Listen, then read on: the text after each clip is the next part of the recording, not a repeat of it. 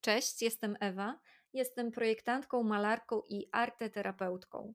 Używam sztuki do redukcji stresu i twórczego rozwoju wewnętrznego. Prowadzę podcast o nazwie Jak pokochać sztukę i jest to jego pierwsze nagranie. Dlatego moja fajniejsza połówka ostatnio chodziła w koło mnie i pytała Ewka, a na pewno nie jest za sztywno, bo wiesz, podcast to nie e-book. No a ja oczywiście wszystko wydrukowałam i czytałam z kartki. Nie było sztywno jak cholera, dlatego dziś obiecałam sobie, że będę mówiła przede wszystkim z serca, choć mam Wam również do przekazania kilka naukowych faktów. Siedzę więc przy biurku, gdzie powstają moje artystyczne projekty. W tle możecie usłyszeć pochrapywanie mojego psa, a ja w t-shircie, jeansach zrobiłam kawę i przy tej kawie chciałabym z Wami pogadać o sztuce. A zaczynając mówić o sztuce, prostujemy plecy, ściszamy głos i zmieniamy jego ton na poważny. No a tak naprawdę to w ogóle o niej nie gadamy. Dlatego podcast ten nie będzie opowieścią o historii sztuki. Nie będzie też zapisem moich artystycznych refleksji. Za to bardzo bym chciała, aby podcast ten był początkiem Twojej, Twojej własnej relacji ze sztuką. Dlaczego go nagrałam? Bo w trudnym momencie mojego życia sztuka mi pomogła i w dużej mierze dzięki niej odzyskałam równowagę.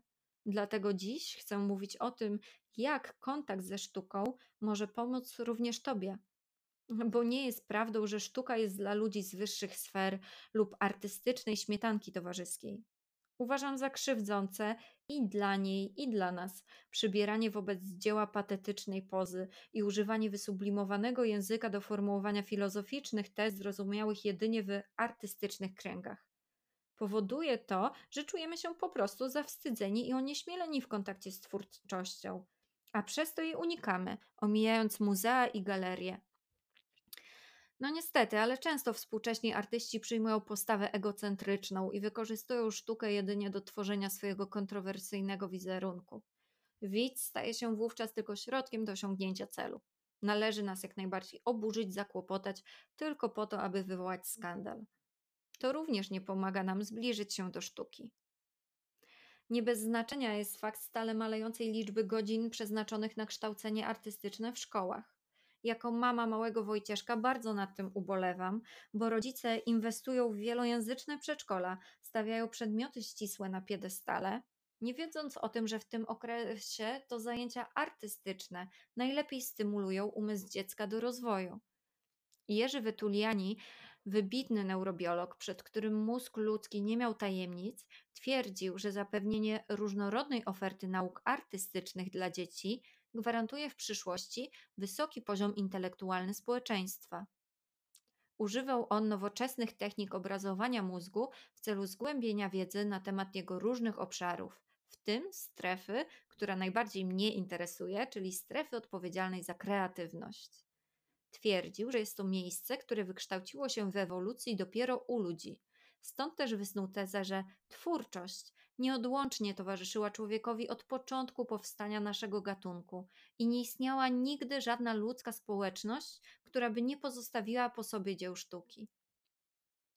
A przecież najstarsze przykłady malowideł jaskiniowych datowane są na około 40 tysięcy lat przed naszą erą i są pierwszymi dziełami człowieka myślącego Homo sapiens, a twórczość ta jest dowodem jego zdolności do kreatywnego myślenia.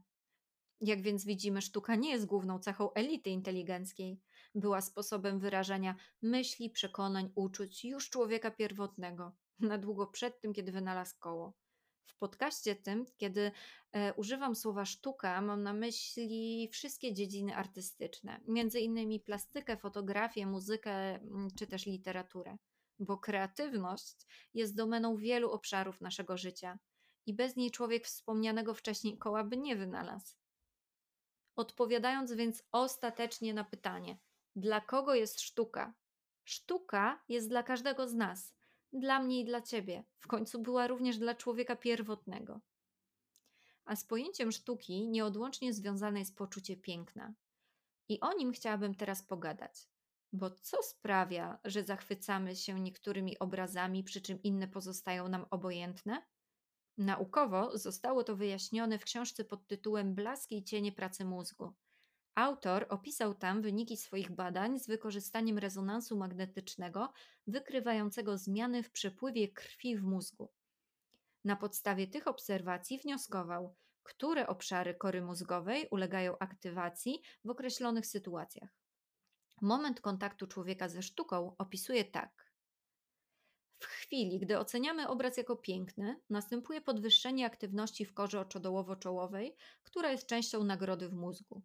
Ów wzrost aktywności nie dotyczy jakiejś jednej kategorii obrazów. Pejzaże, które są uznawane za piękne, aktywizują ten obszar w równym stopniu, jak oceniane tak samo portrety martwe natury lub abstrakcje. Elementem wspólnym jest uznanie obrazu za piękny. No, ja uwielbiam ten cytat i wyróżniam go, ponieważ ukazuje on całą magię i niesamowity wymiar sztuki. Po pierwsze, kora oczodołowo-czołowa e, jest strukturą dobrze rozwiniętą jedynie u człowieka, co potwierdza omówioną wcześniej tezę, że sztuka definiuje nasz gatunek. Następnie pobudzenie obszaru nagrody w mózgu aktywuje układ dopaminowy, a dopamina jest jednym z najważniejszych neuroprzekaźników odpowiedzialnych za wiele funkcji umysłowych, ale w tym najważniejszą odczuwanie przyjemności. Wniosek jest prosty: piękno dostarcza nam przyjemności. Natomiast tajemnicą jest to, że dla każdego z nas piękno jest czymś innym. I o tym mówi ten cytat. To, że krytycy zachwycają się Monalizą Leonarda da Vinci, nie oznacza, że aktywuje ona Twój układ dopaminowy a niewykluczone, że uruchomi go uznany przez ciebie za piękny pejzaż miejskiego artysty. I na tym polega magia sztuki. Wpływając na nasze samopoczucie, pozwala nam lepiej poznać samych siebie. Czy zatem istnieje coś takiego jak dobry gust w odniesieniu do sztuki? Poczucie estetyki kształtowane jest przez to, czego doświadczyliśmy w życiu. Jako odbiorcy prac artystycznych stale dokonujemy projekcji, czyli rzutowania naszych treści psychicznych, takich jak potrzeby, pragnienia, emocje, cechy e, osobowościowe. Każdy z nas jest inny i dlatego każdy inaczej odbiera sztukę. Fakt ten zupełnie ignoruje system szkolnictwa, który za metodę sprawdzania wiedzy humanistycznej przyjął test wyboru poprawnej odpowiedzi ABC. A przecież wybitny poeta Stanisław Grochowiak komentował to z perspektywy twórcy tymi słowami. Nie ma nic gorszego niż przymus czytania wierszy i wymagania, by uczniowie rozumieli poezję. Natomiast błędem wołającym o pomstę do nieba jest wymaganie od ucznia, by powiedział własnymi słowami, co artysta miał na myśli. Oczywiście, ciekawe jest poznanie idei twórcy, ale skupianie się wyłącznie na tym zostawmy historykom sztuki. Nie od tego, czy wiemy, co artysta miał na myśli, zależy, czy rozumiemy i czujemy sztukę.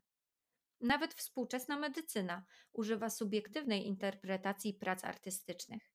Test TAT to jedna z metod diagnostycznych w zaburzeniach psychicznych.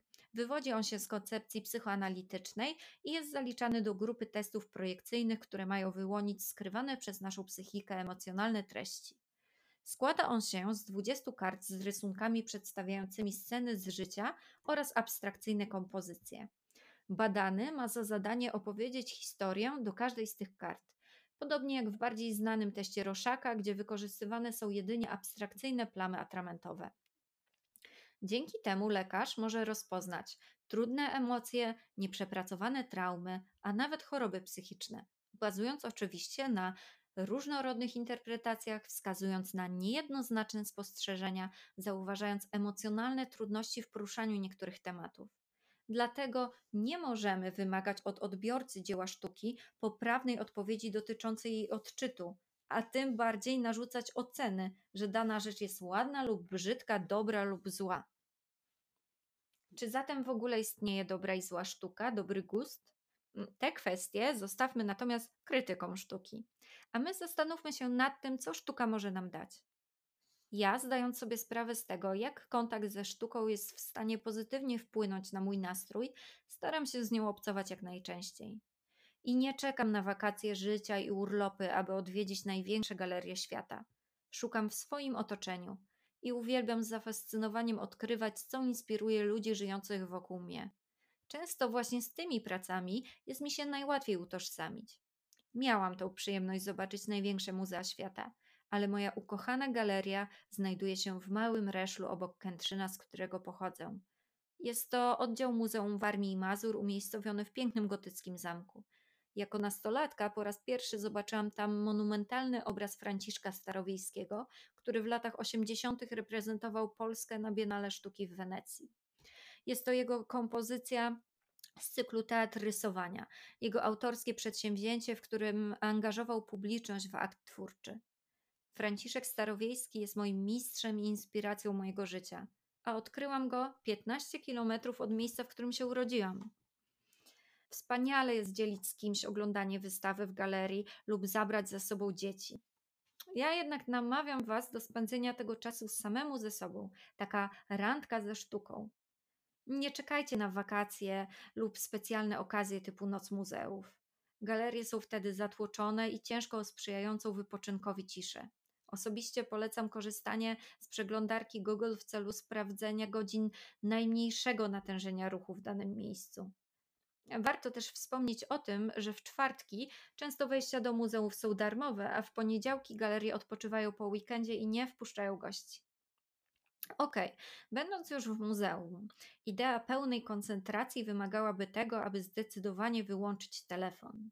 Ja jednak świadomie go używam, fotografując wybrane prace. Nie tylko w całości, ale poszukuję ich ciekawych fragmentów bohaterów drugiego planu. Mm, w większości galerii robienie zdjęć jest dozwolone oczywiście bez flesza. Często nie mamy później dostępu do reprodukcji, a nie zawsze cała wystawa spodobała nam się na tyle, aby kupować katalog. Teraz zdradzę Wam mój rytuał. Mój rytuał polega na wybraniu z każdej wystawy, na jakiej jestem, najlepszego dzieła. Staję naprzeciwko niego i spędzam z nim więcej czasu. Nie ma obiektywnego, długo lub krótko wyliczonych minut. Wtedy przypominam sobie to, o czym rozmawialiśmy przed chwilą. Patrząc na wybrany przez siebie najpiękniejszy obraz, pobudzam w swoim mózgu korę oczodołowo-czołową. Aktywuję układ nagrody, inicjuję wyrzut dopaminy, a ona przynosi uczucie przyjemności, ale oprócz tego motywuje do działania. I poznanie tych biologicznych zależności pozwoliło mi zrozumieć, co czuję i dlaczego po każdym biernym kontakcie ze sztuką, nie tylko wystawie, ale również koncercie lub filmie, mam nieodpartą ochotę przejść do działania. I tym samym do działania namawiam i Was. Rozpocznijcie własną relację ze sztuką już teraz. Dziękuję. W następnym podcaście opowiem o czynnym kontakcie ze sztuką, czyli byciu twórcą, bo jak już pewnie się domyślacie, twierdzę, że każdy z nas może nim być. Jeśli uważacie te treści za wartościowe, proszę podzielcie się tym podcastem w swoich mediach społecznościowych, Instagramie lub Facebooku. Niech inni też pokochają sztukę. Do usłyszenia. Ewa Świder.